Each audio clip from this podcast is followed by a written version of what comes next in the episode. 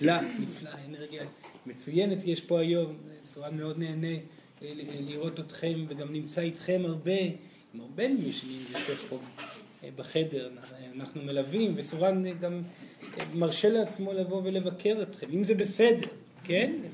בסדר? יש כל מיני דברים, כיסים. בסדר. סורן רוצה עוד קצת מים לפני שאנחנו מתחילים. תודה. אז אפשר לומר שהתקופה הקשה קצת עברה, קצת, נכון? כן? לרבים מכם אפשר לומר שהאינטנסיביות הקיצונית עברה היא באופן יחסי. יש פה כמה שהיא רק מתחילה, אבל, אבל אנחנו כן רואים את המצב הולך ומתאזן עכשיו, אז אם זה, אם זה נותן לכם איזושהי הרגשה של, של טוב, אז סורן חשוב לו לומר שה, כמו שאנחנו רואים את, ה, את הסיטואציה האנרגטית, הגל הגדול הזה שחלף בחודשים האחרונים הולך ונרגע. לא שלא יבוא במהרה גל חדש. במהרה, כמו שנראה אלוהים עכשיו, היא, היא מאוד שובבה, מאוד שובבה. כן, היא רוצה, היא רוצה לנסות לראות באמת אם יש לכם באמת את, ה, את, ה, את היכולת להתמודד אל מול גלים גדולים, אז סורן מכין אתכם שזה לא ייפסק, עכשיו תהיה רגיעה, תנשמו עמוק, זמן לנשום, כן, למתוח את הגוף, להרגיש קצת יותר טוב, לתת לאנרגיה להתאזן בגופכם, ועוד מעט הגל הזה החדש יבוא פעם נוספת, בצורה מפתיעה, לא אותו דבר, בצורה מפתיעה, חדשה. כן, בתקופה הזאת סורן מבין שאין לכם ברירה אלא לזכור שזה סך הכל חיים. בסדר? זה סך הכל חיים. טוב, לא, לא להילחץ יותר מדי, לא להיכנס למחשבות עמוקות מדי על למה ואיך הדברים קורים ואיך זה ייגמר ומה, לא, זה פשוט, אתם צריכים לעבור את הגלגול הזה ובטוב, זה הכל.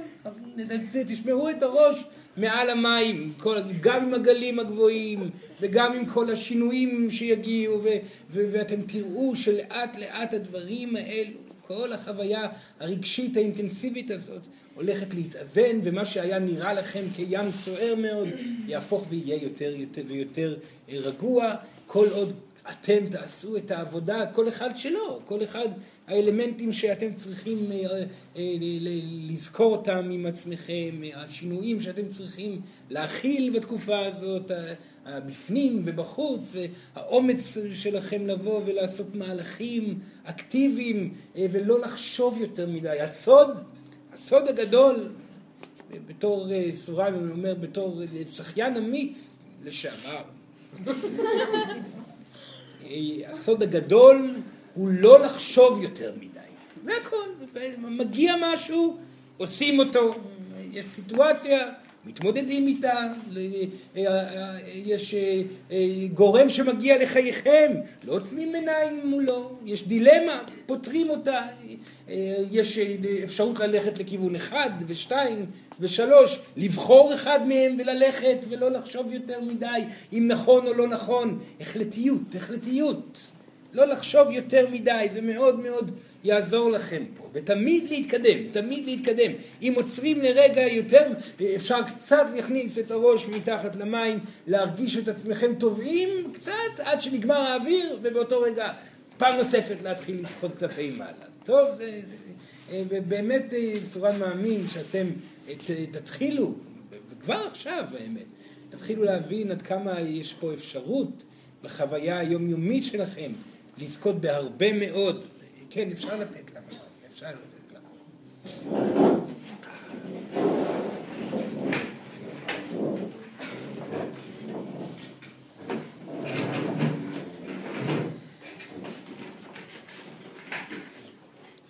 יפה, יפה, יפה. סורן היום ביקש לדבר על נושא של, סורן מקווה שאתם אה, אה, מבינים את משמעותו מבחינתנו הוא מאוד חשוב. ופעם נוספת, כל נושא שכאן סורן ידבר עליו הוא נושא שאתם יודעים אותו, לא באנו כאן אה, אה, אה, לבשר לכם בשורות חדשות, כולכם נשמות מאוד מודעות. שבסופו של דבר יודעות את הדברים האלו, אנחנו רק באים להזכיר לכם בגלל השכחה שאתם בחרתם בה לפני הכניסה לגלגול הזה, אז אנחנו באים כאן לתמוך במי שרוצה להיזכר. רוב האנשים אינם רוצים להיזכר, אז בגלל זה הם לא מוכנים לשמוע בכלל את המידע הזה, זה רוב מוחלט של האנשים בעולם, אך אתם ועוד רבים אה, שמחים להיזכר במידע הזה בשביל להצליח לחוות את החוויה אה, של החיים האלו בצורה טובה יותר. אה, והנושא הזה שאנחנו חשוב לנו מאוד לדבר עליו היום בתקופה המשמעותית הזאת, זה בעצם אנחנו קוראים לו למידה אולי של זיהוי של הסימנים מהיקום, כן? זאת אומרת, איך אתם יכולים, כאנשים שחיים פה מרגע לרגע וביום יום, לזהות את המסרים שהיקום שולח אליכם. לזהות אותנו שמנסים אה, אה, לעודד אתכם ללכת לכיוונים כאלו אה, ואחרים ולזהות את אלוהים שמנסה לגעת בכם בעזרת כל מיני דרכים. ובאמת אלוהים נמצאת בכל מקום אז נכון להגיד שבכל שנייה שאתם עוברים ובכל סיטואציה שבה אתם נמצאים יש משהו ומישהו שמנסה לעזור לכם, לתמוך בכם, להעביר לכם פתרון, לתת לכם את הידיעה של איך להתמודד עם הדברים, והרבה פעמים, הרבה פעמים, כמעט ברוב המקרים של אנשים ברמת המודעות שלכם, כל מה שאתם צריכים לעשות בתור שלב ראשון זה לנשום. מספיק שתעשו את זה. אתם לפעמים שוכחים את זה. אך מספר נשימות במקום אל מול סיטואציה בעייתית היא כבר יכולה לתת לכם את האפשרות לקלוט את הסימנים שמנסה אלוהים להעביר לכם, או מנסים אנחנו אה, כשליחים שלה לתת לכם, כן? אז לעצור ולנשום זה, זה דבר מאוד מאוד משמעותי. לאחר מכן יהיה הרבה יותר קל להבין את מה שאנחנו ניסינו למסור לכם. מהו הדבר החדש, הגישה החדשה, מהי הדרך לבחירה, האם יש אה, כיוון שהוא נכון יותר או פחות נכון. אה, אנחנו נמצאים בכל פינה, הישויות, ואלוהים היא כל, אלוהים היא כל הפינות, היא הכל, היא יודעת טוב מאוד מה אתם צריכים, והיא מנסה להעביר לכם את זה כל הזמן בעזרת ציפורים שחולפות באוויר. ומכוניות שעוברות בדרך, וחבר קרוב שדיבר על נושא מסוים, ובטלוויזיה שלכם שפתאום מגיע איזשהו משפט לא ברור ולא קשור, ופתאום אתם רואים אדם כזה או אחר שמעביר בכם הרגשה של זיכרון ואלמנט שאנחנו כל הזמן נמצאים שם, ואלוהים מאוד מתוחכמת בזה, היא יודעת טוב מאוד איך להעביר מסרים, היא, היא, היא, זה מה שהיא עושה, זאת העבודה שלה, כן? היא מאוד מדויקת, ואתם רק צריכים להבין זה. זאת אומרת, לפני הכל, לקבל את זה שאנחנו פה. ואלוהים כאן מנסה לעזור יותר ויותר ויותר. ואז לנשום נשימות עמוקות, ואפילו לפעמים לבקש. אם פעם ביום תבקשו עזרה מאיתנו, אנחנו נעזור. אנחנו נעזור. ברוב המקרים לא תזהו שאנחנו עוזרים, לא תזהו שזאת תהיה העזרה שלנו. פתאום יגיע כוח, פתאום יבוא פתרון, אך האמינו בנו. האמינו גם באלוהים. היא רוצה לעזור לכם. אך בשביל לעזור עליכם להירגע קצת. אז אי אפשר לעזור למי שנמצא בהיסטריה. זאת אומרת, לפעמים כששחיין נמצא בהיסטריה מאוד מאוד גדולה ולא מצליח לשחות ומשתולל ומשתולל, גם אם שולחים לו יד לעזרה הוא לא רואה אותה. ברגע שאתם נושמים את הנשימות ההתחלתיות האלה וזוכרים את זה, רק זוכרים את האלמנט של הרגיעה, כבר היד שמושטת לעזרה היא מול עיניכם.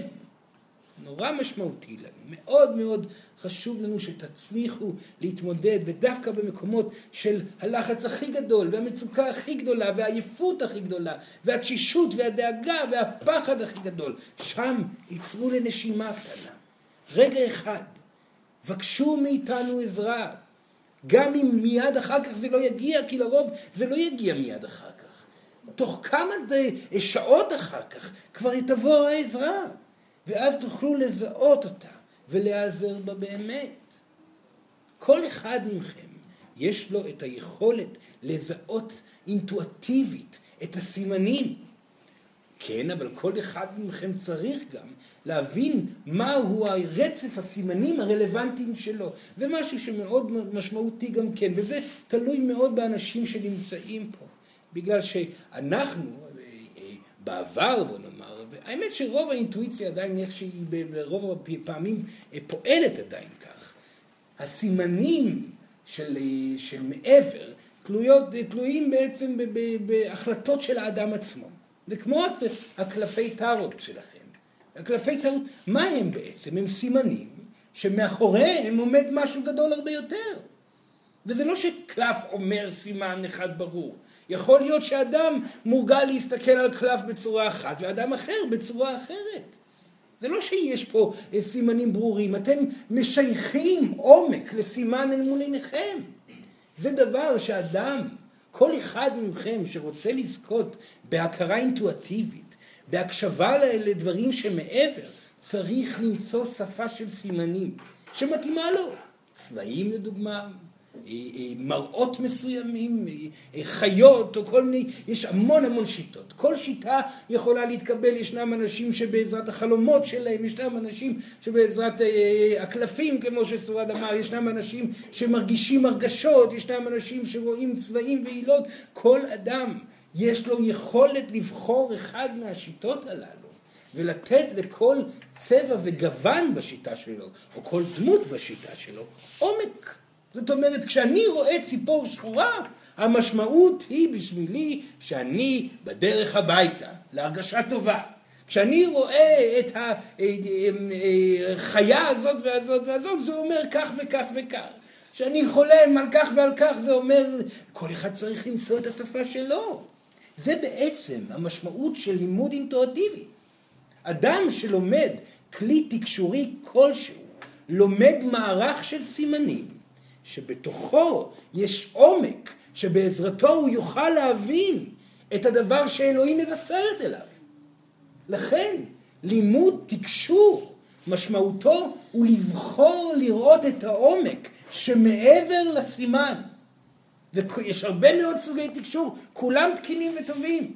וכל אחד יכול גם להמציא בשבילו תקשור משלו. יכול להמציא בשבילו קלפים משלו, יכול להמציא בשבילו סימנים משלו, יכול, לה...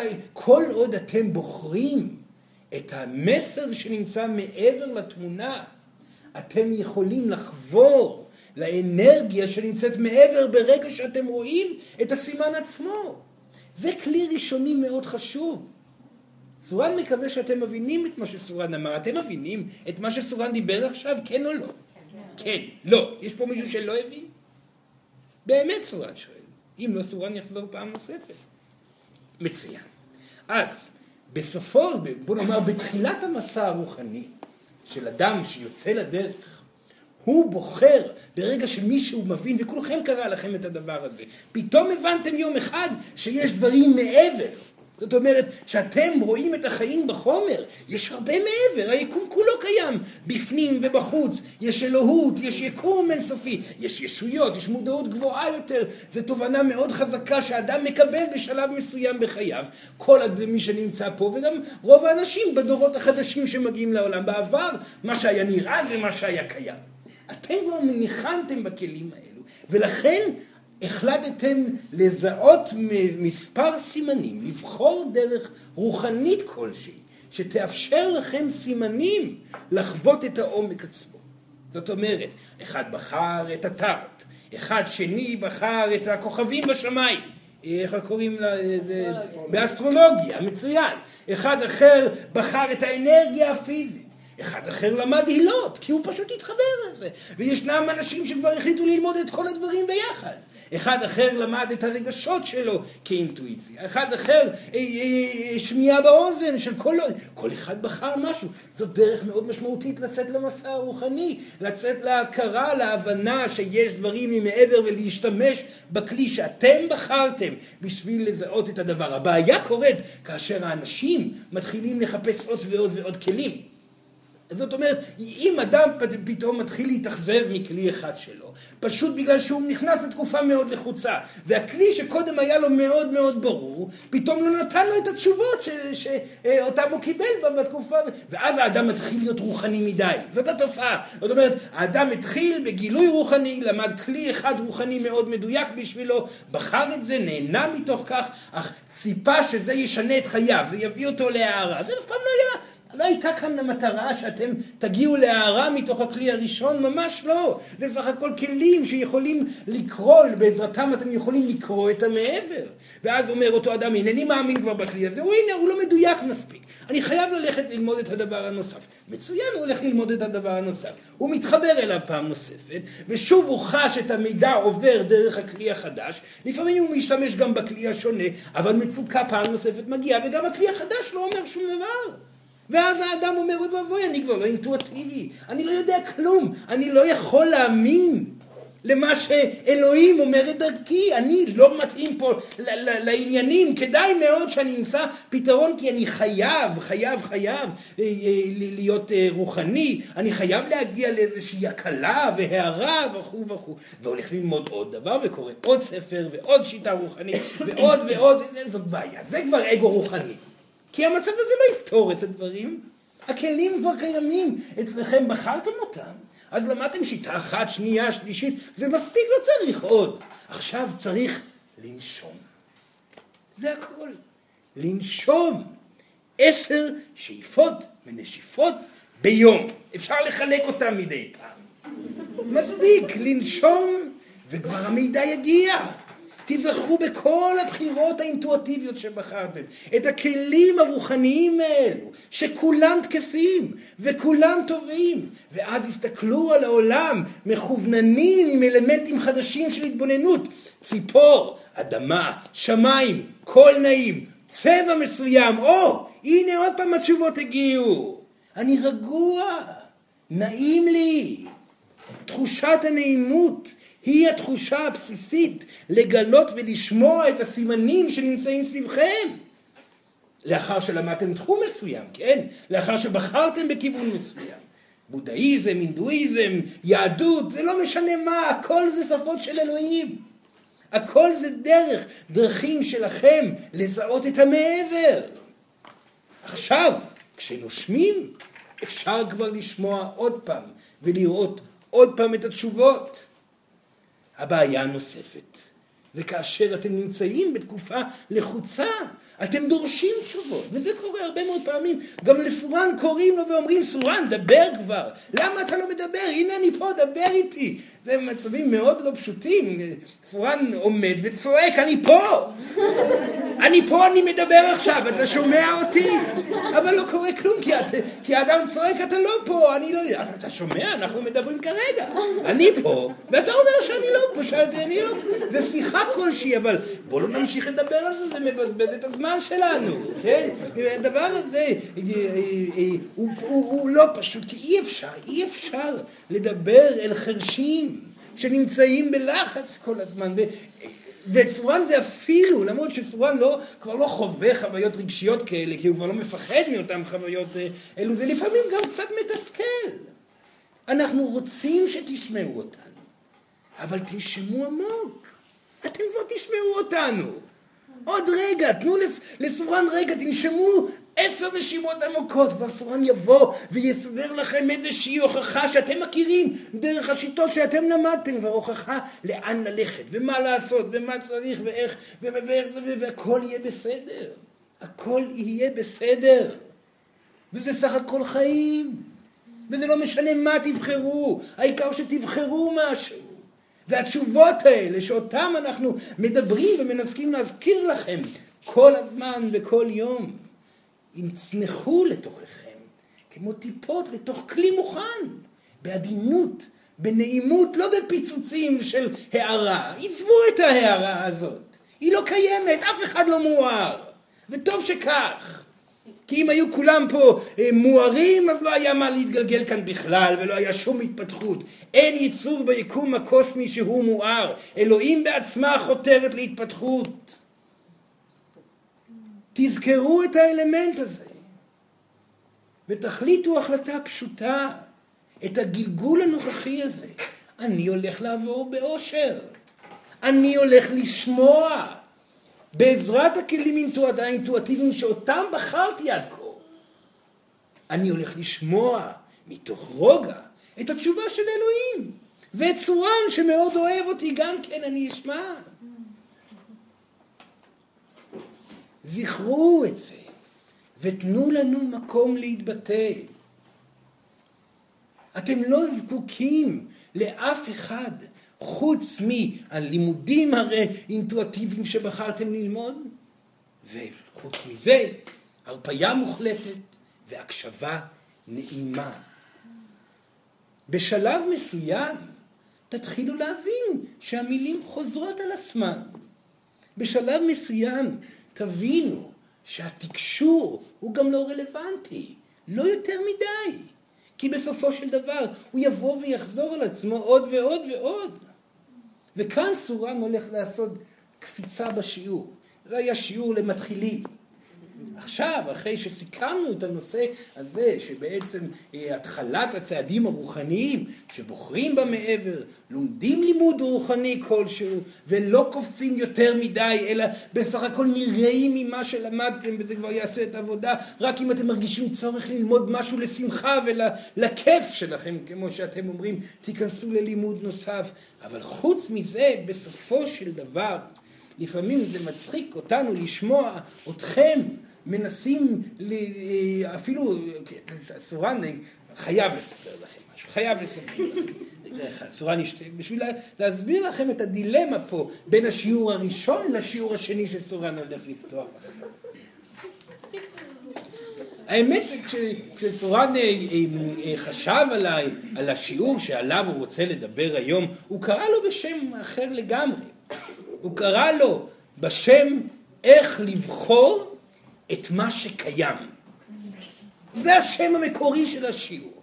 לאחר מכן, אחרי חשיבה משותפת, בשביל לא להבריח יותר מדי אנשים, כי שמות כאלו לא, לא מרתקים יותר מדי, הם לא מגרים את האגו של רוב האנשים, קראנו לזה בשם אה, שקסורן אמר, כי צריך לתת את המטעמים האלו אה, שהאגו רוצה. כן, אני רוצה לשמוע ולראות סימנים ביקום, זה הכל בסופו של דבר שטויות, כן?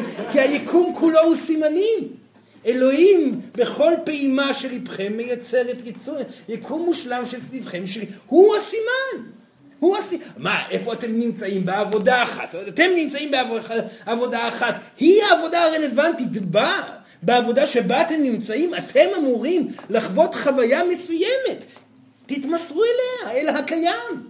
חשבתם שאתם צריכים לעשות אחד, אבל אתם בשתיים? תהיו בשתיים. אתם לא סתם בשתיים. אלוהים שם אתכם בשתיים, כי בשתיים יש את כל האלמנטים שאתם צריכים לעבור ברגע הקיים בשביל להתקדם לצד הבא. רוצים להגיע לאחד? אל תחשבו על אחד, תישארו בשתיים. שתיים זה מה שאלוהים בחרה. אבל אני לא יודעת, בחרתי את הגבר הזה, זה טעות, הגבר הזה הוא, הוא, הוא, לא, הוא לא רגיש בשבילי, הוא לא אה, אה, אה, מספיק מסודר בבית. הוא עם אה, אה, עקשן ולא אה, מבטא אהבה, אני לא יכולה לחיות, אני רוצה אחד, לא את שתיים. לא, שתיים פה. אותו בחור לא רגיש ולא מסודר, הוא הגבר שנמצא איתכם עכשיו, בנות יפות. וזה אומר שאותו אתם בחרתם מסיבה מסוימת, יהיו איתו. יהיו איתו באמת. אי אפשר להיות עם משהו באמת, אם כל הזמן חושבים על מה הדבר שהייתי יכול להיות בו. עבודה, זוגיות, מדינה אחרת, חיים אחרים, אוי כמה פעמים אנחנו שומעים את הדבר הזה. חיים אחרים, אם לא הייתי עושה את הבחירה הזאת, אולי הייתי עושה בחירה, ואז זה מקשה על הכל. אם אתם חושבים כך, שבעצם לכם יש שליטה פה על משהו, תמיד יהיה לכם קשה, כי אין לכם שליטה על כלום, שום דבר הוא לא בשליטתכם. יש לכם רק שליטה על דבר אחד, על האם אתם נמצאים נוכחים בצורה מלאה בקיים, שלרוב הוא יהיה שתיים ושלוש וארבע וחמש ושש, ברוב המקרים גם עשרים, עשרים ואחד מבחינת האיכות שלו, או שאתם מתחילים לחשוב על אחד, זאת אומרת אחד ברמה הדבר הכי טוב, כן? אפשר להפוך את, המספר, את המספרים, מה שאתם רוצים. זאת אומרת, אתם צריכים לקבל שדרך הלא מושלם אתם תהפכו להיות מושלמים. דרך מה שלא חשבתם שהוא הטוב ביותר בשבילכם. אתם תזכו בחוויית הרגש הטובה ביותר שלכם. וכמו שסורן אומר שוב ושוב ושוב ושוב, הרגש הוא זה שיוצר את המציאות. הרגש הוא זה שפורם את הקשרים. אתם לא יכולים לדעת איך אלוהים בכלל תעביר אתכם למספר האחד, לדבר הטוב ביותר. ואולי אתם גם לא יודעים שהדבר הטוב ביותר הוא הדבר הטוב ביותר, ואתם חושבים שמשהו אחד הוא בעצם הטוב ביותר, ואינכם יודעים שאלוהים מתכנן לכם סיפור אחר, אחר לחלוטין. אין לכם מושג מה יקרה בגלגול. תרפו מזה כבר. אל תכעסו על כך שאלוהים החליטה שאתם תגורו בתל אביב למרות שרציתם כל החיים שלכם לגור במדבר או לגור במקום עם נופים ירוקים או ל... אל תכעסו, אלוהים אמרה, הוא גר בתל אביב מסיבה, יש פה סיבה לגור בתל אביב, כנראה יש סיבה בכך. אני רוצה אבל לעזוב למקום ירוק, אתה לא יכול, אתה עובד פה. יש לך כאן את המשפחה, אתה כאן צריך להיות בהכרעה. כרגע, כמו שהמצב הוא עכשיו, אתה לא יכול.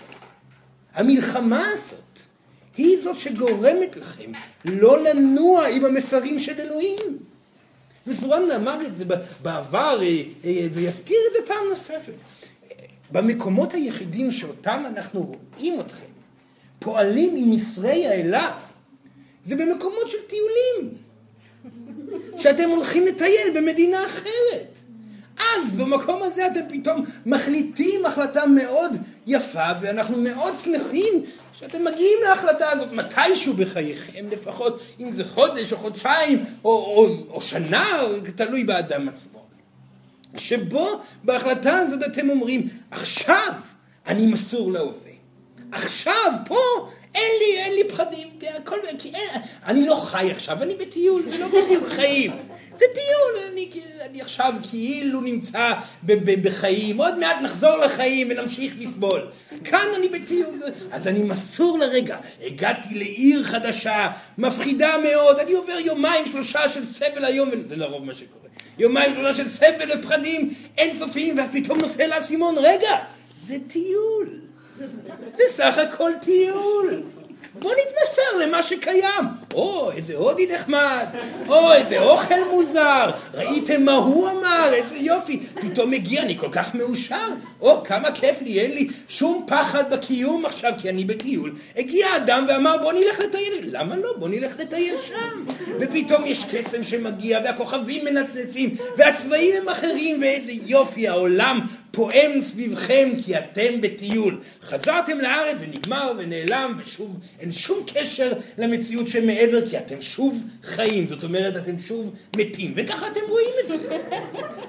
במקום לזכור שאתם יכולים בצורה מודעת לחלוטין לבחור בקיים, בסימנים שנמצאים סביבכם. שימו לב, סתכלו מסביב, אלו הסימנים שאלוהים הכינה בשבילכם.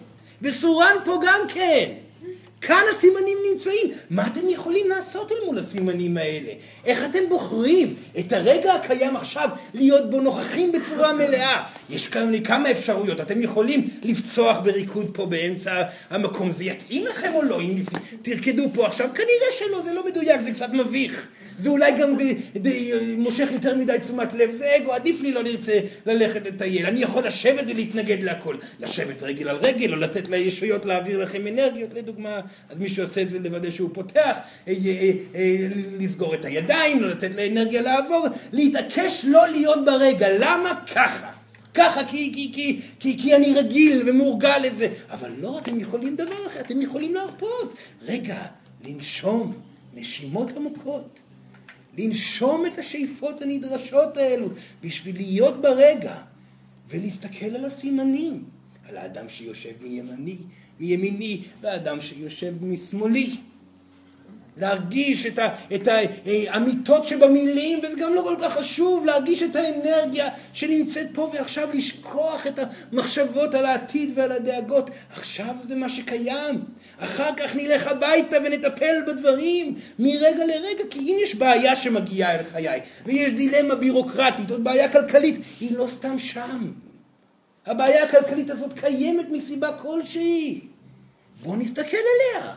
לא נברח ממנה, כאשר אני בורח ממנה אני, אני שוב במצוקה מאוד מאוד גדולה, עדיף לי לא, בוא נתמסר אליה, בוא נראה איך אני פותר, לא בדאגה, נסתכל על הדברים, ננשום את הנשימות העמוקות. הסימן הזה של הבעיה שמול עיניי, בזוגיות, בכסף, במשפחה, בחברים, בייעוד שלא מצליח ולא מצליח. בוא נעצור רגע ונבדוק מה הדבר שאני יכול לעשות ברגע הקיים, אל מול הסימן שאלוהים הביאה אל מול עיניי, בשביל לפתור את הרגשת המועקה הקיימת. זה כל הסיפור. ומספיק שתעצרו לנשום. אנחנו כבר ניתן לכם תשובה. לך תשלם את הדבר הבירוקרטי הזה, זה ייפתר. לך תעבוד בעבודה גרועה, אז מה? לא יהיה לך את הלחץ הכלכלי על הכתפיים. הפסק להילחם באהובה שלך. תן לה אהבה למרות שהאגו שלך בשמיים. וכו' וכו' וכו' וכו'. אנחנו כאן מדברים אליכם. בשביל זה עליכם לדעת שאנחנו פה, להרפות לשמוע תשובות. אך החשוב ביותר זה להתחיל להתייחס אל החיים עצמם כהסימנים הרוחניים שבדרך. נכשלתם? זה סימן. התמודדו עם הכישלון, תבכו, תקיעו את הבכי, המשיכו להתמודדות הבאה. אתם בודדים, קשה לכם, עשו מעשה בקשר לזה. לכו תפגשו את הגברים הבאים שאתם צריכות לפגוש על מנת שכל הסימנים יעברו מול עיניכם וישתנו עד שאתם תגיעו למקום של מלאות ושם תצליחו להכיל את האהבה שתגיע. יש בעיה בחייכם, תפתרו אותה. אתם עמוסים מדי, תרפו קצת. אתם בלחץ, תנשמו. אתם בטיול, תהיו עם העצים. אתם בעבודה, תהיו עם הדפים. זה אותו דבר, עצים, דפים, נוף, שולחן, זה הכל אלוהים. האדם הזה, האדם הזה, מה זה משנה? הוא בעלי, הוא שמן, הוא מסריח. טוב מאוד, הוא בא, הוא הבעל, הוא כאן האין סוף שאליו את צריכה להתמסר כרגע. בוא נראה מה יקרה אחר כך. מיד כל התא משתנה, כי הנה פתאום את, את רואה אותו שוב כבן אדם.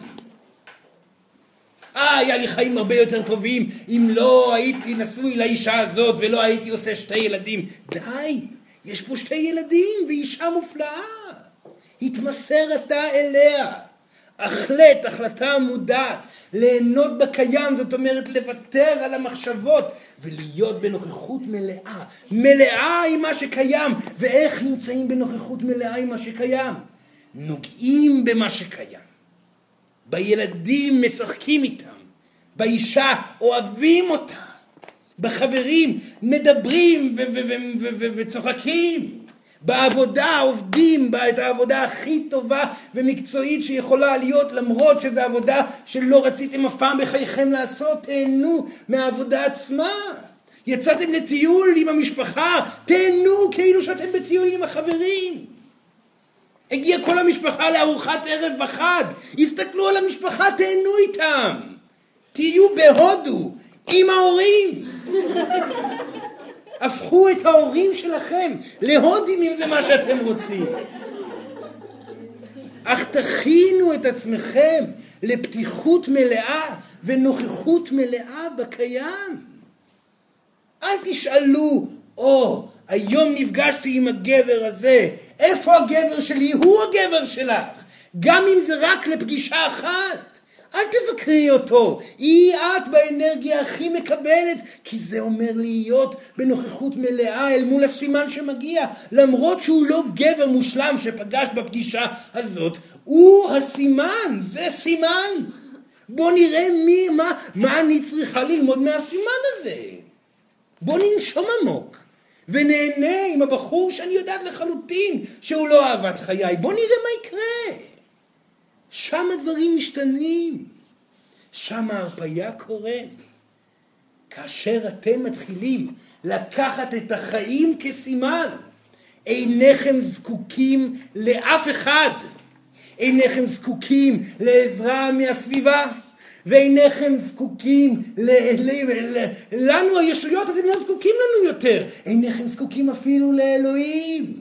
וזה בדיוק מה שאתם צריכים לחתור אליו. כי כאשר אדם לא זקוק לשום דבר, כי הוא יודע להתמודד עם כל סיטואציה, בהתבוננות עליה כסימן, והתמסרות ללימוד שצריך לבוא מהסימן הזה, אז הערוצים שלו פתוחים לקבל ללא נזקקות את התמיכה שלנו, את האהבה של אלוהים. אינכם זקוקים מעבר מתוך החיים הטובים שיש בקרקע. אז אתם הופכים להיות אנשים שחיים בכמה מימדים במקביל. אתם חיים עם המעבר. שימו לב, כאשר אתם מאושרים עם הקיים, אתם חוברים אל המעבר.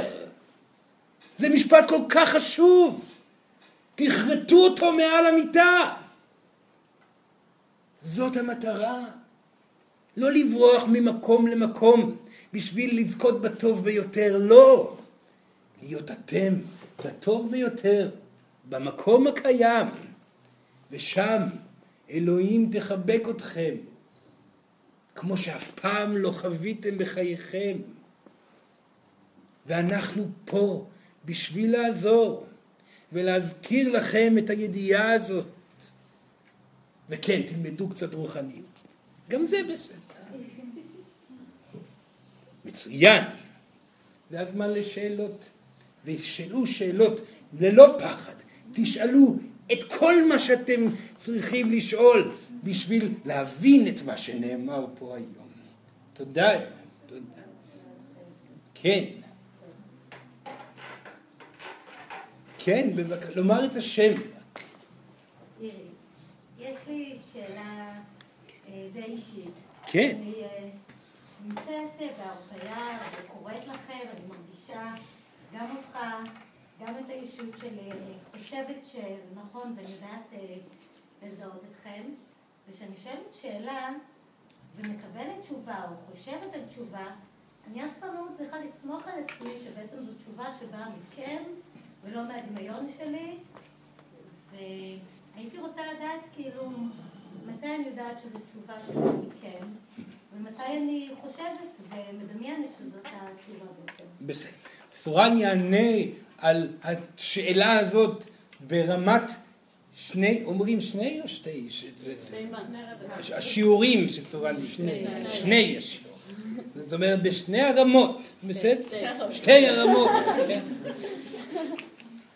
דבר איך ראשון, כאשר אתם מרגישים מהתשובה שנאמרה הרגשה פנימית של התרחבות, זאת אומרת שאנחנו אמרנו את הדבר. תמיד.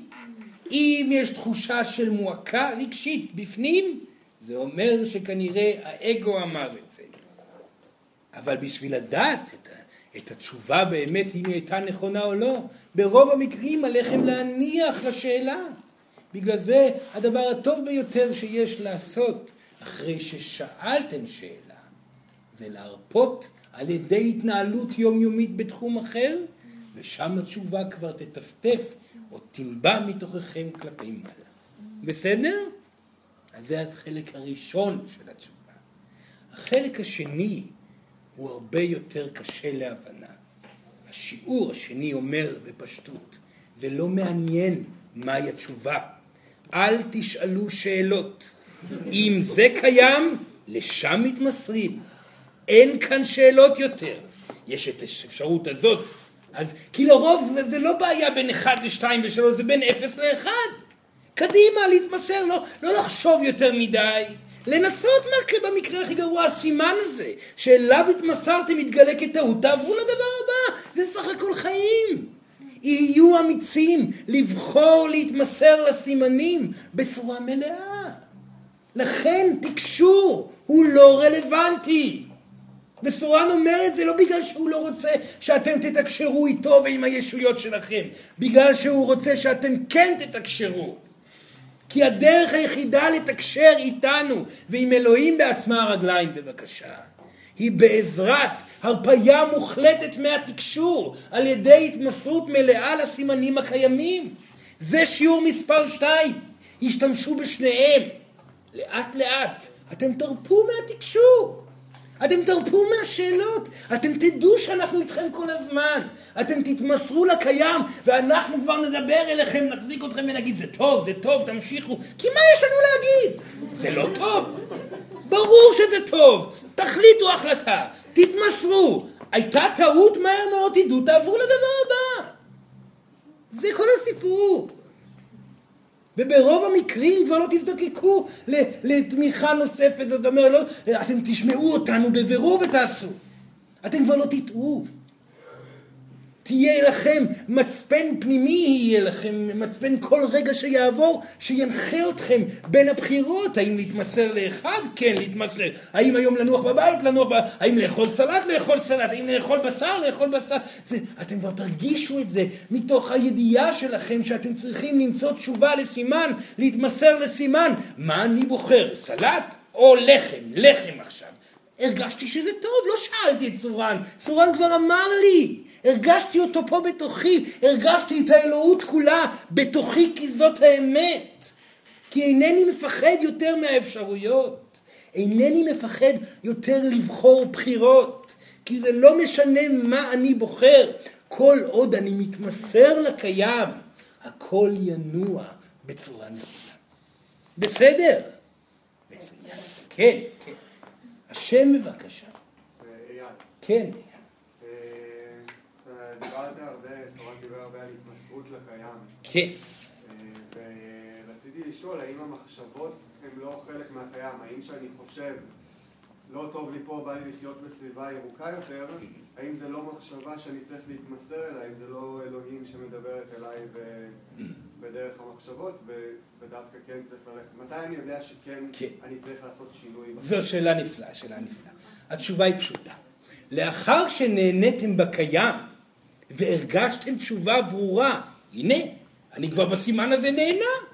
אני מצליח להתמסר לקיים, טוב לי בו. עכשיו, אני עדיין שומע את הקול שאומר, בוא נעבור לטבע. זה הזמן לעבור לטבע. העניין הוא שהתשובה יכולה להיות מאוד מפתיעה, וברוב המקרים כך היא תהיה. פתאום, מתוך מחשבה שהייתם צריכים לעבור לטבע, ההתמסרות וההנאה בקיים תגיד לכם אולי משהו הפוך לחלוטין. בואו נעבור למדינה אחרת, אולי כן לטבע, אולי לא. זה לא משנה, כבר התשובה תהיה ברורה.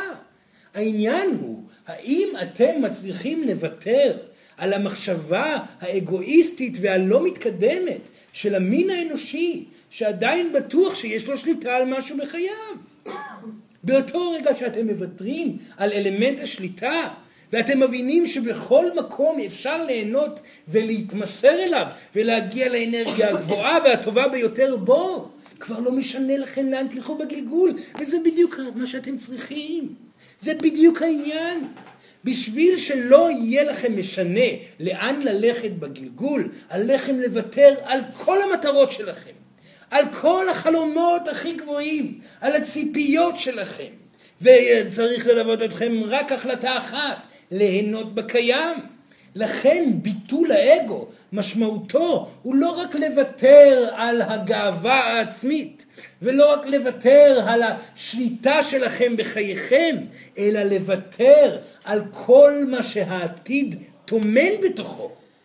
וההחלטה להתמסר להווה כאילו שאתם בטיול. כי כשאתם בטיול, אתם לא אמורים עכשיו להיות הזמרים הכי טובים בעולם. כשאתם בטיול, אתם לא אמורים עכשיו למצוא את אהבת חייכם.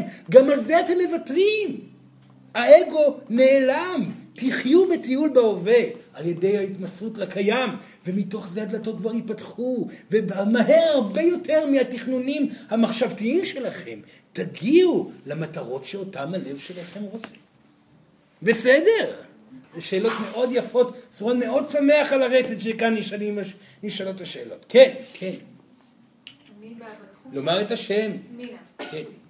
רציתי אה, לבדוק האם הבחירה בקיים זה המלצה שיש לך לאנשים בוגרים. כלומר, בשביל אה, להתקדם. רק לילדים קטנים. רק תינוקות בוחרים בקיים. לא, סורן צוחק, כן. אז, כן. אה, כן. מה מה קורה עם הם בני נוער וצעירים, הבחיר... זה, זה, זה אותם עקרונות של הבחירה בקיים? מין אנושי זה כך. האמת היא שברוב הצעירים, בני הנוער, עדיין לא מספיק מפחדים, ולכן בוחרים בקיים כמעט תמיד. יש לי כאלו ילדים שלא. אך בחירה בקיים זה דבר שנמצא בהחלט בתוך הילדים אה, בצורה מאוד מאוד טבעית. היא שואלת את זה בקשר לייעוד שלה. לגמרי. אז שתשאל, אז רגע אחד, לחשוב עוד כמה דקות על שאלה יותר מדויקת. השאלה לא הייתה מספיק מדויקת. אז יש לי שאלה, איך מלמדים אה, צעירים לבחור? לבחור? כן. בסופו של דבר זה אותם מילים. אותם מילים שאתם רואים בהם כשיגעון. עכשיו, המין האנושי, הם מילים שאנחנו, סורן וחבריו, בזמן הגלגולים, למדנו את זה בבית ספר, לא למדנו גיאוגרפיה. זה לא כל כך, מי שרצה למד גיאוגרפיה, מי שרצה ללמוד משהו למד מה שהוא רוצה, אבל הלימודי חובה זה הלימודים של איך לחיות בעולם. זו, אלה היו הלימודי חובה. לימודי התגברות על האגו, לימודי הבחירה, לימודי המודעות הרוחנית, אפשר לקרוא לזה, לימודי הבעה הרגשית, אלו השיעורי חובה שהיו. הם היו כל כך אה, אה, אה, בהחלטיות פנינו לתוכם, ומתוך זה גם כך נראתה החברה שבה היינו. אז זה, זה לאט לאט יקרה, היא לא אמורה לשנות את כל המציאות החינוכית עכשיו. לתת לזה קצת זמן לעבור, לא, לא לשנות את הכל. לאט לאט החברה חייבת לקבל את זה. זה ייקח עוד כמה עשרות שנים עד שזה יוטמע בתוך החברה החינוכית לחלוטין. טוב? כן, כן, כן. לומר את השם. כן. אה, האמת שבא לי לצאת החוצה ולרקוד מאושר, כן. כי כל מה שאתה מדבר זה נכנס לי דוך ללב הכי מובן בעולם. כן. וגם בחיי היומיום שלי, אה, אני מאוד משתדלת כאילו לקחת כל מה שאתה אומר ולהרפות ולהרפות ולהרפות. עכשיו.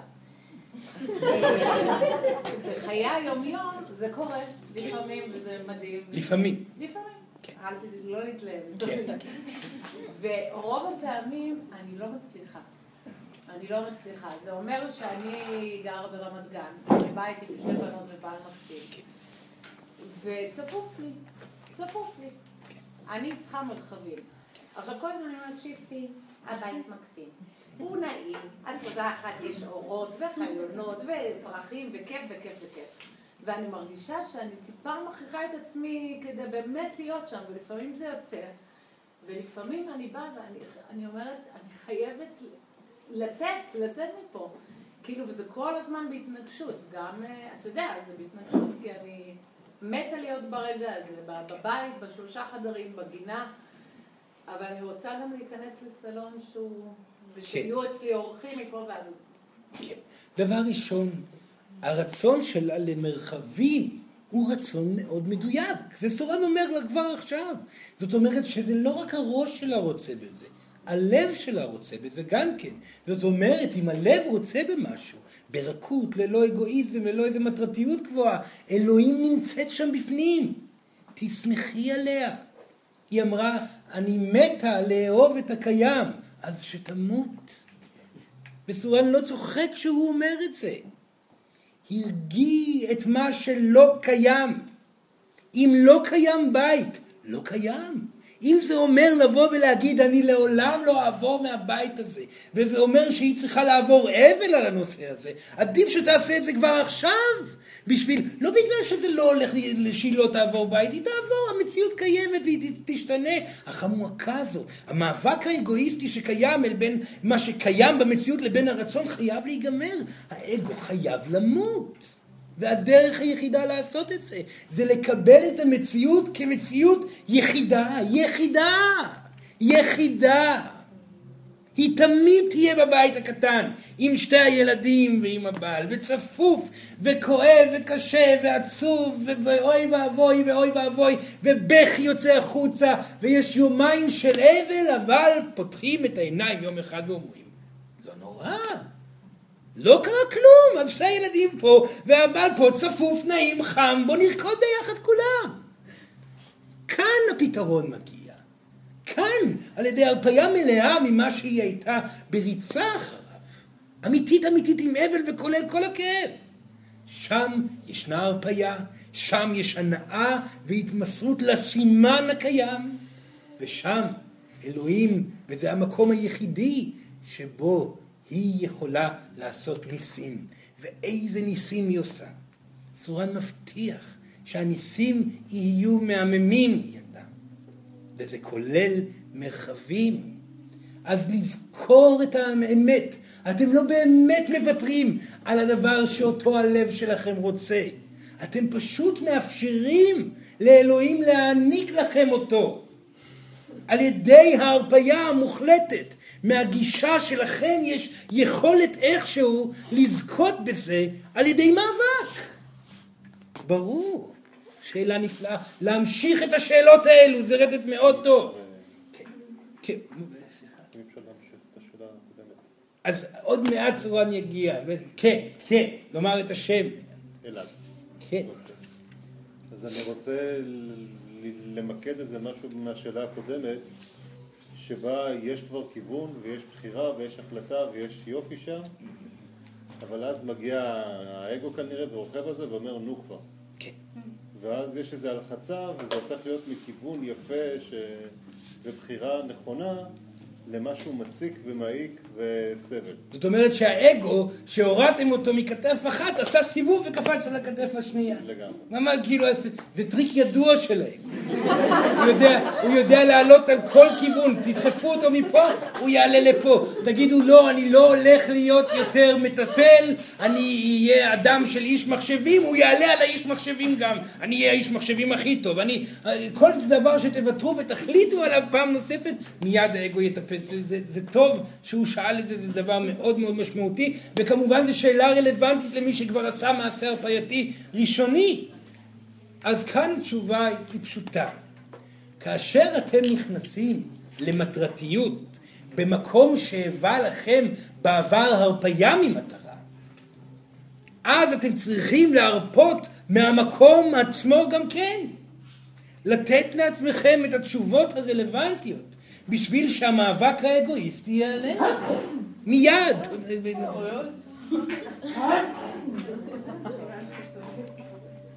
זאת אומרת שהשיטה שנעשתה בחלק הראשון חייבת לחזור גם בחלק השני, ולסורן יש הפתעה להגיד לכם, גם בשלישי וגם ברביעי וגם בחמישי, וגם כאשר אתם תהיו אלוהים בעצמה, אתם תצטרכו לעשות את זה גם כן. כי האגו תמיד ימצא את דרכו לעלות בדרכים קסומות על ראשכם.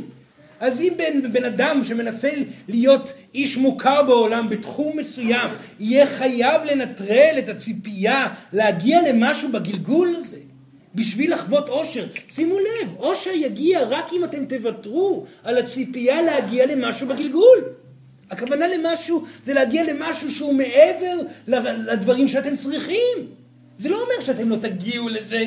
זה לא אומר שאם תוותרו על כך שתהיו ציירים מפורסמים לחלוטין ותהנו מההתמסרות היצירתית רק מתוך ההנאה שביצירה, אתם לא תתקדמו למקום הגבוה ביותר. הפוך, אפילו תהיו הרבה יותר מהירים בכך. מה שכן, אתם לא תהיו במועקה של התחרות פנימית אל מול העולם. אז החלק הזה צריך לבוא שוב ושוב. אז בהתחלה זה סביב אה, האם אני אצליח בחיי, ואז השוואה על בין אחרים, כי אתם מתחילים להתקדם, אתם מרפים מהציפייה, ואז פתאום הייעוד, משהו לא יהיה שלא ידעתם, הרבה פעמים לא ידעתם שזה הייעוד שלכם, הוא מתחיל להתקדם ואתם רואים מתחרים. ואז עוד פעם אני צריך להיות הכי טוב? לא, לא, תהיה הכי גרוע, עכשיו תהיה הכי גרוע. תיפטר מהאגו כבר עכשיו עד הסוף, זה מה שקיים. מה שקיים עכשיו זה שאני אה, אה, אה, אה, בעבודה שלי במחשבים, יש לי צוות של ארבעה אנשים, לא של עשרה אנשים. לא יעזור, אני יכול לצרוח עד השמיים ולהתפלל ולנסות לזמן לעצמי תפקיד של עשרה אנשים בצוות, אבל יש לי ארבעה אנשים. בוא נקבל את זה, אני לעולם לא אתפתח פה. כמו שעשיתי קודם, אני כאן אהנה בעבודה, מההתמסרות, מהמקצועיות, מהיצירה, מהנתינה לאנשים, הכל טוב ויפה, נפלא, אני נהנה במה שקיים. או! תבוא הפתעה חדשה, אולי בכיוון חדש, ואתם לא יודעים. ההרגשה הטובה כבר תקדם את הדברים לצד הבא, ואז יבוא עוד פעם האגו, ושוב פעם תזרקו אותו, וגם אם אתם תהיו, באמת, גם אם אתם תהיו הציירים, הזמרים, המנהיגים, המטפלים, המורים, הרקדנים, הכי טובים בעולם כרגע, כי באמת אתם הצלחתם להרפות מהכל והפכתם להיות דוגמה להרפאיה אנושית ולחיבור לאלוהות. גם שם יגיע האגו. ושוב תצטרכו לעשות אותו דבר ותצטרכו להגיד לעצמכם, הבחור הזה יותר טוב ממני. אני מרפא עכשיו כי הוא יותר טוב, אין לי מה להתחרות פה. אין תחרות כאן, אני נהנה ממה שאני עושה, ולכן אני עושה את זה. לא מתוך מטרה להגיע לשום מקום בחיים. ואלוהים אותו דבר. אתם חושבים שאלוהים שהיא מסתכלת על שאר האלוהיות, היא, ככה אומרים אלוהיות. אין כזה. אין, אין כזה דבר. בסדר, עדיין לא הגעתם. כשהם לא רואים, כן, שהיא לא מסתכלת על שאר האלוהימים. היא לא אומרת, או, אני מצליחה להכיל את האין סוף שלי, מאוד נחמד, אבל היא, היא עושה את זה יותר טוב ממני. האמת שהיא גם לימדה אותי להיות כמו שאני, אוי, אני אלוהים גרועה. היא אומרת את זה לעצמה שוב ושוב ושוב, ומרפה לתוך הנוכחות בקיים. זה מה שהיא אמרה לסורן לפחות. כך לשכנע את סורן ללכת בתהליך שהוא עושה עכשיו. כרגע לסורן זה עובד, אז הוא מצליח להאמין לה. התהליך של הרפיית האגו הוא אותו תהליך שהמשמעות העיקרית שלו זה לוותר על המציאות ולוותר על המטרתיות שבמציאות בשביל להניח את המושכות לאלוהים. כל הזמן, זאת המשמעות של ויתור על אגו. הרפייה משליטה בשביל שמישהי שיודעת לנהוג הרבה יותר טוב מכם, תשלוט בעצמה על הרכב. וכל מה שעליכם לעשות זה לקחת את הסימן שהיא הגישה ולהתמודד איתו. והסימן הבא ולהתמסר אליו וליהנות מכל סימן ומחוויית הגדילה ולא להיבהל מתחושות קשות ולהגיד אוי לא אני מרגיש רע אל מול הסימן הזה. יעבור עוד מעט, תבכו קצת ותכנסו, כנסו עוד פעם להתמסרות לסימן. נפלא, שאלות נפלאות להמשיך ברטט הזה, כן. כן. הקטע הזה של לקבל את מה שקיים, אז לי לפחות זה גורם כאילו לא אקטיבי, להיות פסיבי. אם אני מסתכל על זה רק לא מגיב, אז אני... נפלא. יש לי קול שאומר לי כן, כן תשנה ותעשה, ואז אתה מתלבט אם זה האגו או שה... כלומר, איפה האקטיביות היא נכונה? כן, כן, כן, שאלה נפלאה, שאלה נפלאה. דבר ראשון, אם בתוך ההרפייה במה שקיים נוצרת פסיביות, זה אומר שיש מועקה שם בפנים. אם מועקה רגשית קיימת בפנים, משמעות הדבר שהאגו נמצא בהרפייה. הכוונה היא שהאדם שחש הרפייה ועדיין מועקה, הוא לא באמת ויתר על הציפייה. הוא לא באמת מתמסר לקיים. הוא אומר, כן, אני מתמסר לקיים, אבל הוא בדיכאון. זה שלב ראשוני לפני התמסרות מלאה. התמסרות מלאה, המשמעות זה לא כניעה אל מול החלומות ולהגיד עוד זה לא יקרה, בוא נבכה ועוף לי בחיים. זה לא הכוונה. הכוונה היא, זה הקיים. בוא נהנה לחלוטין ממנו. זה חייב ודורש אקטיביות. זה חייב ודורש אקטיביות. לאחר האקטיביות, לנוח. אך אקטיביות, אם אין אקטיביות ויש אה, אה, הרפייה ואז שקיעה, זה אומר שהאגו ירד מהכתף ועלה לראש והוא נותן משקל והכל יורד ואתם אה, עצובים ועצובים. לא, זה מה שקיים. אז בואו נהנה ממה שקיים. לא נסבול מזה. כן. אני רוצה ליצור קיים חדש, יש איזו קריאה לעשות משהו, נגיד אני עובד במשהו ואני רוצה עוד משהו. כן. לא סורן כבר ענה על השאלה הזאת. קודם כל ליהנות, שאל את השאלה, קודם כל ליהנות מהקיים ושם לשמוע האם הקריאה באה מהאגו או מהלב. והנה הגיע מהלב ויש הרגשה נעימה בקיים ועם זאת מגיעה האמרה כן צריך להתקדם לדבר הבא, תמתינו עוד קצת ועוד קצת ועוד קצת בקיים ושם אם לא תיפתח דלת אמיתית וברורה זה אומר שעליכם להיות אמיצים ולבנות דלת אחת כזאת. אך לרוב הדלת תיפתח לבד.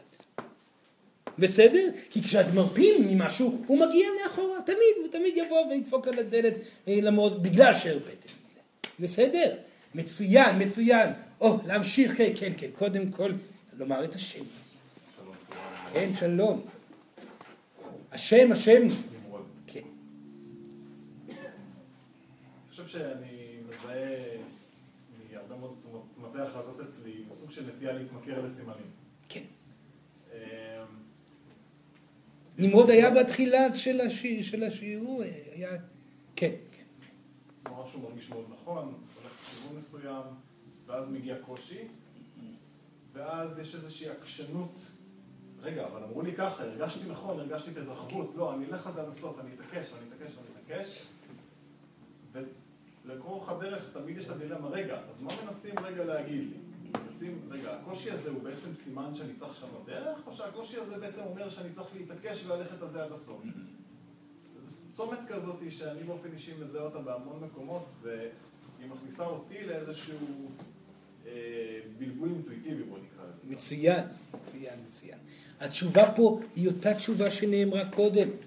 זאת אומרת, ההתמסרות המלאה לכיוון, למרות הסבל שנמצא בפנים, וחוויה של עושר בתוכו. זה המקום שבו כבר יגיע הפתרון לגבי פנייה לכיוון אחר בצומת.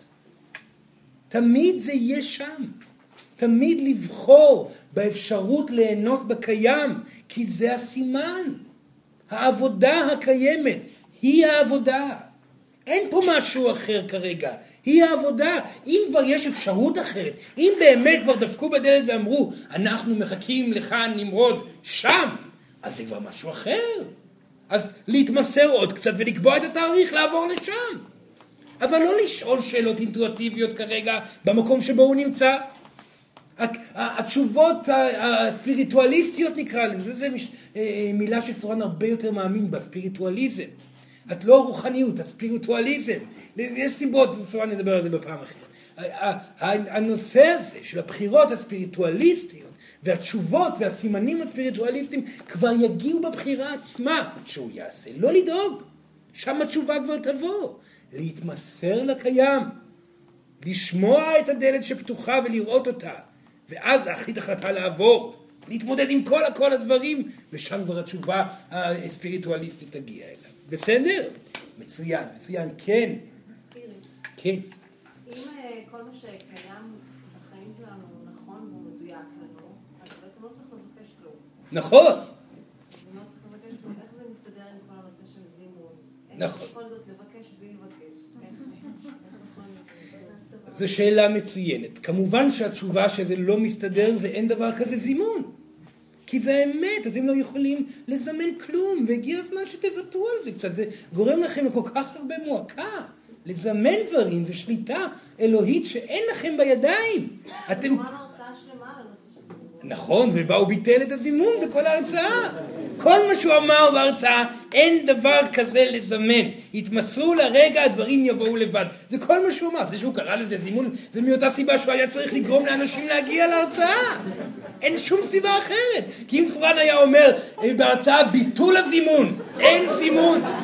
אף אחד לא היה מגיע, סורן חייב להיות תקשורתי קצת בתקופה הזאת. אז זאת הסיבה שהוא אמר זה זימון, זה- כן? אבל כמובן שאין זימון.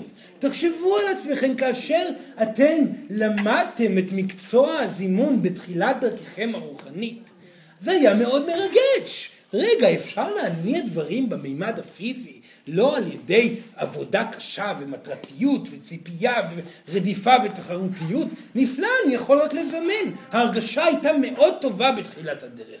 אני יכול לזמן, או אני אזמן לי מונית עכשיו, אני אזמן לי ארוחה טובה, אני אזמן לי כך וכך וכך, כל מיני דברים מאוד נחמדים שזימנתם עד שהתחלתם להיות מזמנים כרוניים. אני מזמן ומזמן ומזמן, ולמה זה לא מגיע, וזימנתי, אבל זה לא הצליח, ואיפה זה? ואז הרגשה הרעה מגיעה בדיוק כמו תחרותיות אה, אה, אגואיסטית רגילה, ושם שום דבר לא קורה. כל עוד הרגשתם טוב, הכל היה נחמד ויפה, אבל כאשר אדם מתפתח ברוחניותו, הוא מבין שהזימון הוא לא רלוונטי. באותו רגע נותר רק דבר אחד לעשות, להפסיק לזמן. יש רק דבר אחד לעשות, ליהנות מהקיים. יש רק דבר אחד להבין, אלוהים היא זאת שנותנת כאשר אתם נהנים, כאשר אתם מרפים מהציפייה, מהמטרה, מהזימון ומכל דבר אחר. אז כמובן שאין ברירה אלא להרפות מזימונים. אפשר לזמן רק כאשר אתם מרגישים בטוב. שימו לב, אם אתם פועלים ביומיום ועושים עבודה טובה ו- ומתנהלים, ב- שם אתם יכולים להגיד, או, oh, אלוהים, נפלא לי, נפלא לי פה ופה ופה. לא היה מפריע לי עכשיו אם הייתי מקבל עוד קצת כסף, אבל זה בסדר. ברגע שאני מסיים את השאלה אני מניח לך. את יודעת מה את רוצה, את יודעת מה טוב לי. אני אמרתי את שלי, אבל... במקום כזה שבו אתם מזמנים, או בעצם מבקשים מהיקום, אבל באותו רגע מרפים מהבקשה, ומתמסרים להנאה בקיים, האוזניים פקוחות של היקום כולו לבקשה שלכם. ואם זו הייתה בקשה שהלב שלכם רוצה בה, ומדויקת, כי היא באמת יוצרת התפתחות נכונה ומלאות נכונה, זה גם יגיע. אבל אם אתם רוצים 500 אלף כסף, ואתם אומרים, אלוהים, אני צריך 500 אלף כסף, ואני... אבל שם, במקום הזה, יש איזושהי נטייה להרפות בצורה מלאה מההתנהלות המדויקת לכם בשביל להגיע לכסף הזה. אז הזימון הזה יקלקל את כל התהליך. לכן לא יגיע 500 אלף כסף ולא יגיע כלום. יגיע רק עוד מהלך שאליו תצטרכו להתמסר, לפתור בתוככו את הרגש המועקתי שלכם, ושם יגיע הסכום הנכון להרגע. ואולי גם בעתיד תזכו, אם הבקשה הייתה מדויקת, גם במה שביקשתם. בסדר. אין לכם שליטה על כלום. תנוחו, תרפו על הגב בנחל, במים הגועשים. זאת הדרך הטובה ביותר לשחות בסערה כזאת. פשוט שוכבים על הגב ומסתכלים על הגלים, כמעט מכסים אתכם בהופ, עולים ויורדים ונושמים עשר נשימות. וכאן עושים צלילה, וכאן עושים חתירה, וכאן שוחים חזה, וכאן שוחים גב, וכל אחד בהתנהלות שלו ברגע עצמו, שם אתם צריכים להיות אלוהים, תעביר את הכל, היא תעביר את הכל, היא תעביר אתכם שערות עצומות, אם אתם תהיו מסורים לסימנים שנמצאים ברגע. כן. כן, רגע, רגע, רגע, רגע, סורן רגע אחד, כן, כן, רגע אחד, ואז יחזור. כן. שלום. לומר את השם. כן. יש לי איזה בלבול עם המקום של ההתמסרות. אה, אני חוויתי איזושהי חוויה של התמסרות אה, טוטאלית, ועזבתי את ההתמסרות וקיבלתי מסורן תגובה נהדרת על ה... כן. אני מצטערת אם אני אמושיונל מדי. כן. אה, אין דבר כזה מדי, כן? ועכשיו אני לא יודעת מה הגבול של התמסרות. אני פתאום מרגישה כל כך מבולבלת בתוך הסערה. המטורפת הזאת, אני מתמסרת עכשיו למה שקיים, ואני מפחדת שאני כבר יותר מדי מתמסרת לעצב, או, או לכאב, או לאבל, או ליצירה, פתאום אני לא יודעת אם יש לי גבול בכלל, ו... ואני מנסה להרפות בתוך זה, אבל אולי אני מרפה מדי. כן, כן, כן. מצוין, זו שאלה נפלאה. בסדר, לא לדאוג, לא לדאוג. היא כל כך יפה שהיא כזאת ככה. לא לדאוג, לא לדאוג. נשים יפות כשהן מביעות את הרגש ונסחפות עם אבל ויצירה ושמחה והתלהבות ונפילה. לא לדאוג, בסדר? זה דבר ראשון. דבר שני, ההתמסרות שסורן מדבר עליה היא חייבת להיות ברגע הקיים. זאת אומרת, כשאתם מרגישים לנכון לבכות, ליפול, להתרסק, לשקוע, לסבול, כי זה נכון וזה מרגיש לכם שצריך לקרות דבר כזה, תעשו את זה. כי זה הרגע, אתם לבד בבית, בחדר הריק, ואתם לבד ואתם מרגישים את הלבדות נוגסת לכם בראש. הגיע הזמן להביע את הלבדות הזאת, כי אתם באמת לבד. אבל ברגע שהגיע הטלפון, וצלצל ואמר, שלום חברה טובה, רוצה ללכת לראות היום סרט, או ללכת... זה הזמן להשתחרר, כי הגיע הטלפון, זה הסימן הבא, שלום. זה אלוהים אמרה עכשיו סימן הבא. לכן, נושמים נשימה עמוקה והולכים לסימן הבא. ומתמסרים אליו לחלוטין. ועכשיו עושים שיר חדש. עושים שיר חדש. ועכשיו הולכים וכועסים כי הגיע הזמן לכעוס. אז כועסים כי הגיע הזמן לכעוס. לא לדאוג, אלוהים יודעת לנצח על החיים שלכם. היא תגיד לכם בדיוק מתי זה הזמן לשקוע בבכי ומתי זה הזמן להתנער. אתם צריכים להיות מספיק חזקים לשקוע בבכי בזמן הנכון, ולהתנער ולהתמסר לעשייה, לנתינה, ליצירה וכו' וכו', בצורה מלאה ברגע הבא. פשוט לעשות שינויים טוטאליים ממקום למקום. זה הדבר שהיא מחפשת. זאת העוצמה. העוצמה מגיעה ביכולת לנוע מרגש אחד להתנהלות אחרת, ולאט לאט, בתהליך לא ידוע. שבאבל עצמו זה נראה כאילו שזה סוף, שלעולם לא ייגמר, כאילו שמדובר פה על תהליך שייקח עשרים שנה. הוא לא ייקח עשרים שנה, כי התנועה הזאת של הבעה רגשית, התמודדות אקטיבית, יצירה, נתינה לאנשים, ועוד הבעה רגשית, ופעמיים ביום מרגישים כאילו סוף העולם הגיע, ושאר הזמן נהנים ומתרגשים ממתנות וקבלות והבנה חדשה. היא זאת שפתאום הופכת את האבל האיום והנורא הזה מצומצם, מלא בכאב, אבל מבחינת זמן, הרבה פחות זמן. להמשיך בהתמסרות. כן. כן, כן. שלום. שלום. יש לי שלוש שאלות. כן. פגישה קודמת שראיתי אותך דיברת על אה, לעשות מה שטוב לך. כן. ומה קורה שהאושר שלך הוא דווקא בא על חשבון הבן אדם האחר? כן. מה קורה אז? מצוין. התשובה היא פשוטה. האושר שלכם לעולם לא יבוא על חשבון של אחר. לעולם. זאת אומרת שאם האושר שלכם הוא לעשות מספר דברים והאחר קשה לו עם זה, כי אתם עושים דברים שטובים לכם ומשקיעים פחות זמן באחר, כנראה שהאחר יש לו סימן התמודדותי משלו. אך אם הדברים שאתם עושים ממלאים אתכם בצורה מלאה, הגיע הזמן להתמסר למה שקיים, והאחר ילמד את שלו, ואם הוא לא יכול, האחר לא יכול להכיל אתכם בהתמסרות המלאה, הוא לא האחר. יבוא אחר אחר.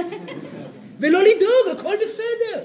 מחוץ מכך, אם אתם מתמסרים מלא, בצורה מלאה לקיים, ומרגישים מצוקה על זה, פנימית רגשית, שאתם בורחים מנוכחות עם האחר, תוודאו שאתם מדייקים את עצמכם באותה מידה אל מול הבקשה של האחר.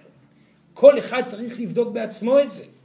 כי אם מישהו מבקש נוכחות, בן זוג, משפחה וכו', שימו לב שאתם לא בורחים מכך. שימו לב שאתם לא משתמשים במה שגורם לכם להיות מאושרים אה, בבריחה בעצם מתיקון. סליחה? כמובן, דבר ראשון לא מנתקים אף אחד. הניתוקים קורים לבד. על ידי התמסרות לקיים, אדם שלא יכול להכיל את השינוי שקורה מתנתק, כך ויברציות קורות. זאת אומרת, אם יש שני חברות או שני חברים שנמצאים ביחד תקופה, פתאום האחד מהם למד את אומנות האהבה והזוגיות. התמסר אליה לחלוטין, והאחר עדיין מפחד מזה. באותה תקופה ששניהם פחדו, הם חגגו להם ביחד.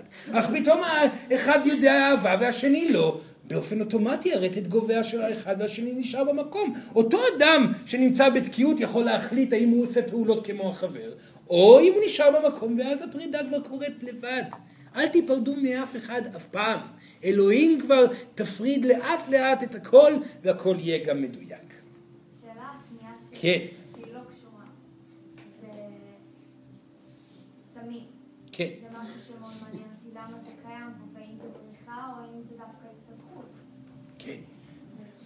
כן. סמים זה פתח אל המעבר. מהרבה בחינות. הסמים, הצורה לא אוהבת את המילה סמים. סמים אה, זה תרופה, זה תרופה זה לא, לא טבעי, ואלה לא טובים. אה, באמת אה, הדברים הלא טבעיים הם, הם ממש יצירות של אגו מוחלט. בריחה מוחלטת. בכל סם לא טבעי נקרא לזה כך. הדברים שאלוהים העניקה לכם הם יכולים לעבוד בריחה נוראית ויכולים להיות פתח אל המעבר. זה עניין של כמותיות כמובן. השאלה השלישית זה, דיברת קודם על כל הסימנים, ואני רואה מאוד את התנ"ך כמו ספר חוקים. נפלא.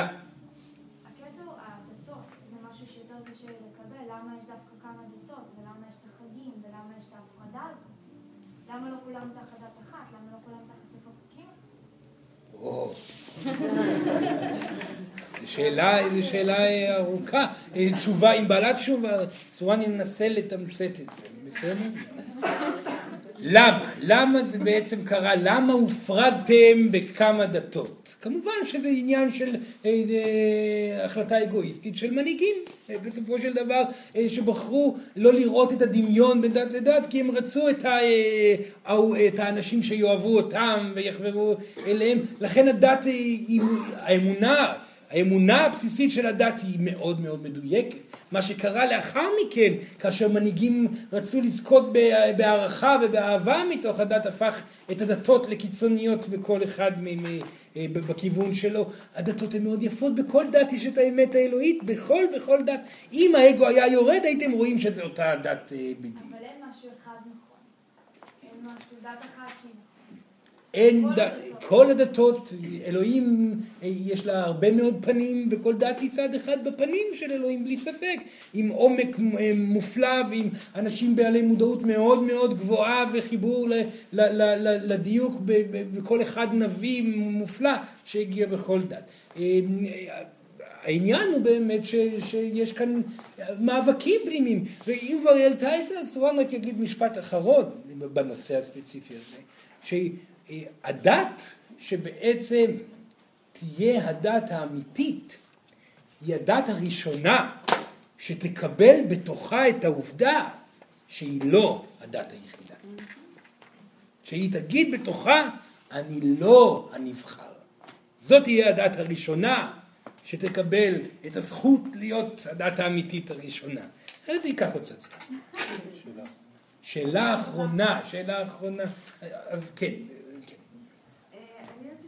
ככה עוקבת אחרי המעגלים כבר כמה... כן, סורן.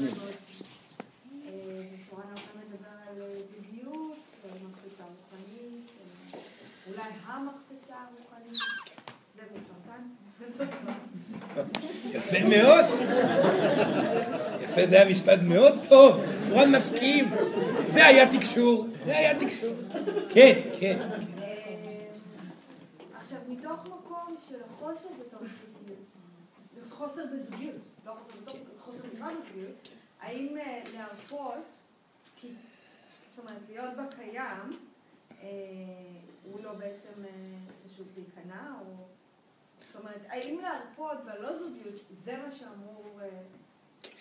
אז התשובה היא, היא, היא בבעלת שתי חלקים. שתי חלקים.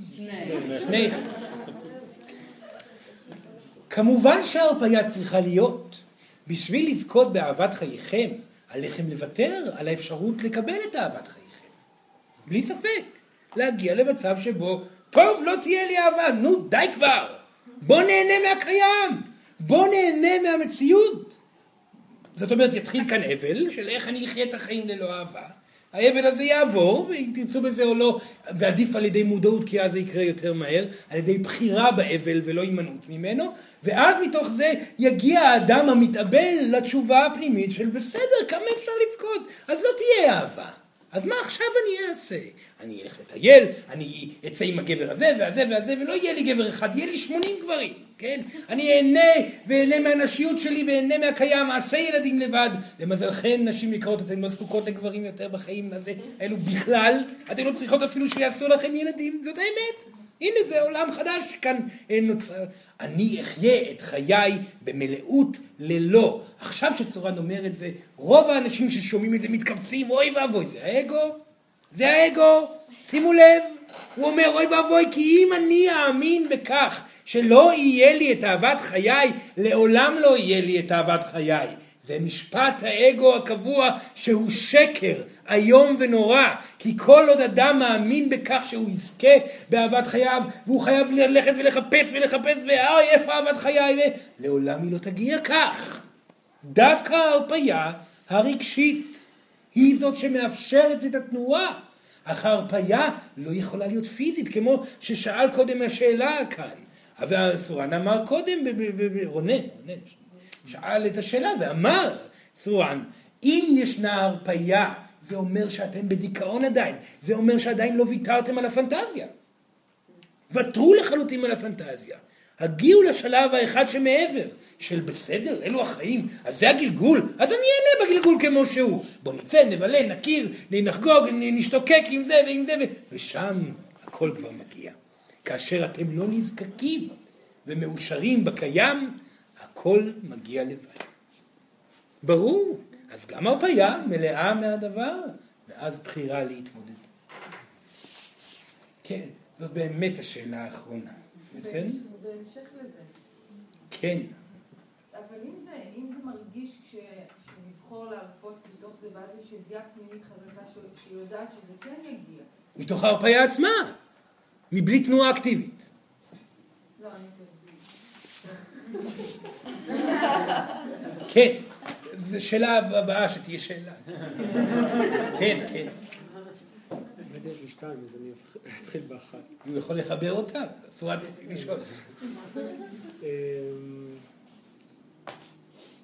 מה לגבי בחירה לא בין 0 ל-1, אלא בין 1 ל-2 ל-3 ל-4, ואני אתאר למשל סיטואציה, אני כבר לא במצב הזה, אבל אמ, נגיד... אמ, עבודות. נגיד אמ, מי שסיים עכשיו צבא, סיים טיול, עכשיו הוא רוצה ללכת ללמוד. כן. אין לו מושג מה מתאים לו. כן. יש איזה מיליון, אה, מיליון אופציות ללמוד באוניברסיטה, והוא צריך לבחור אחד. כן. ואחותי לא- לא מזמן הייתה במצב הזה.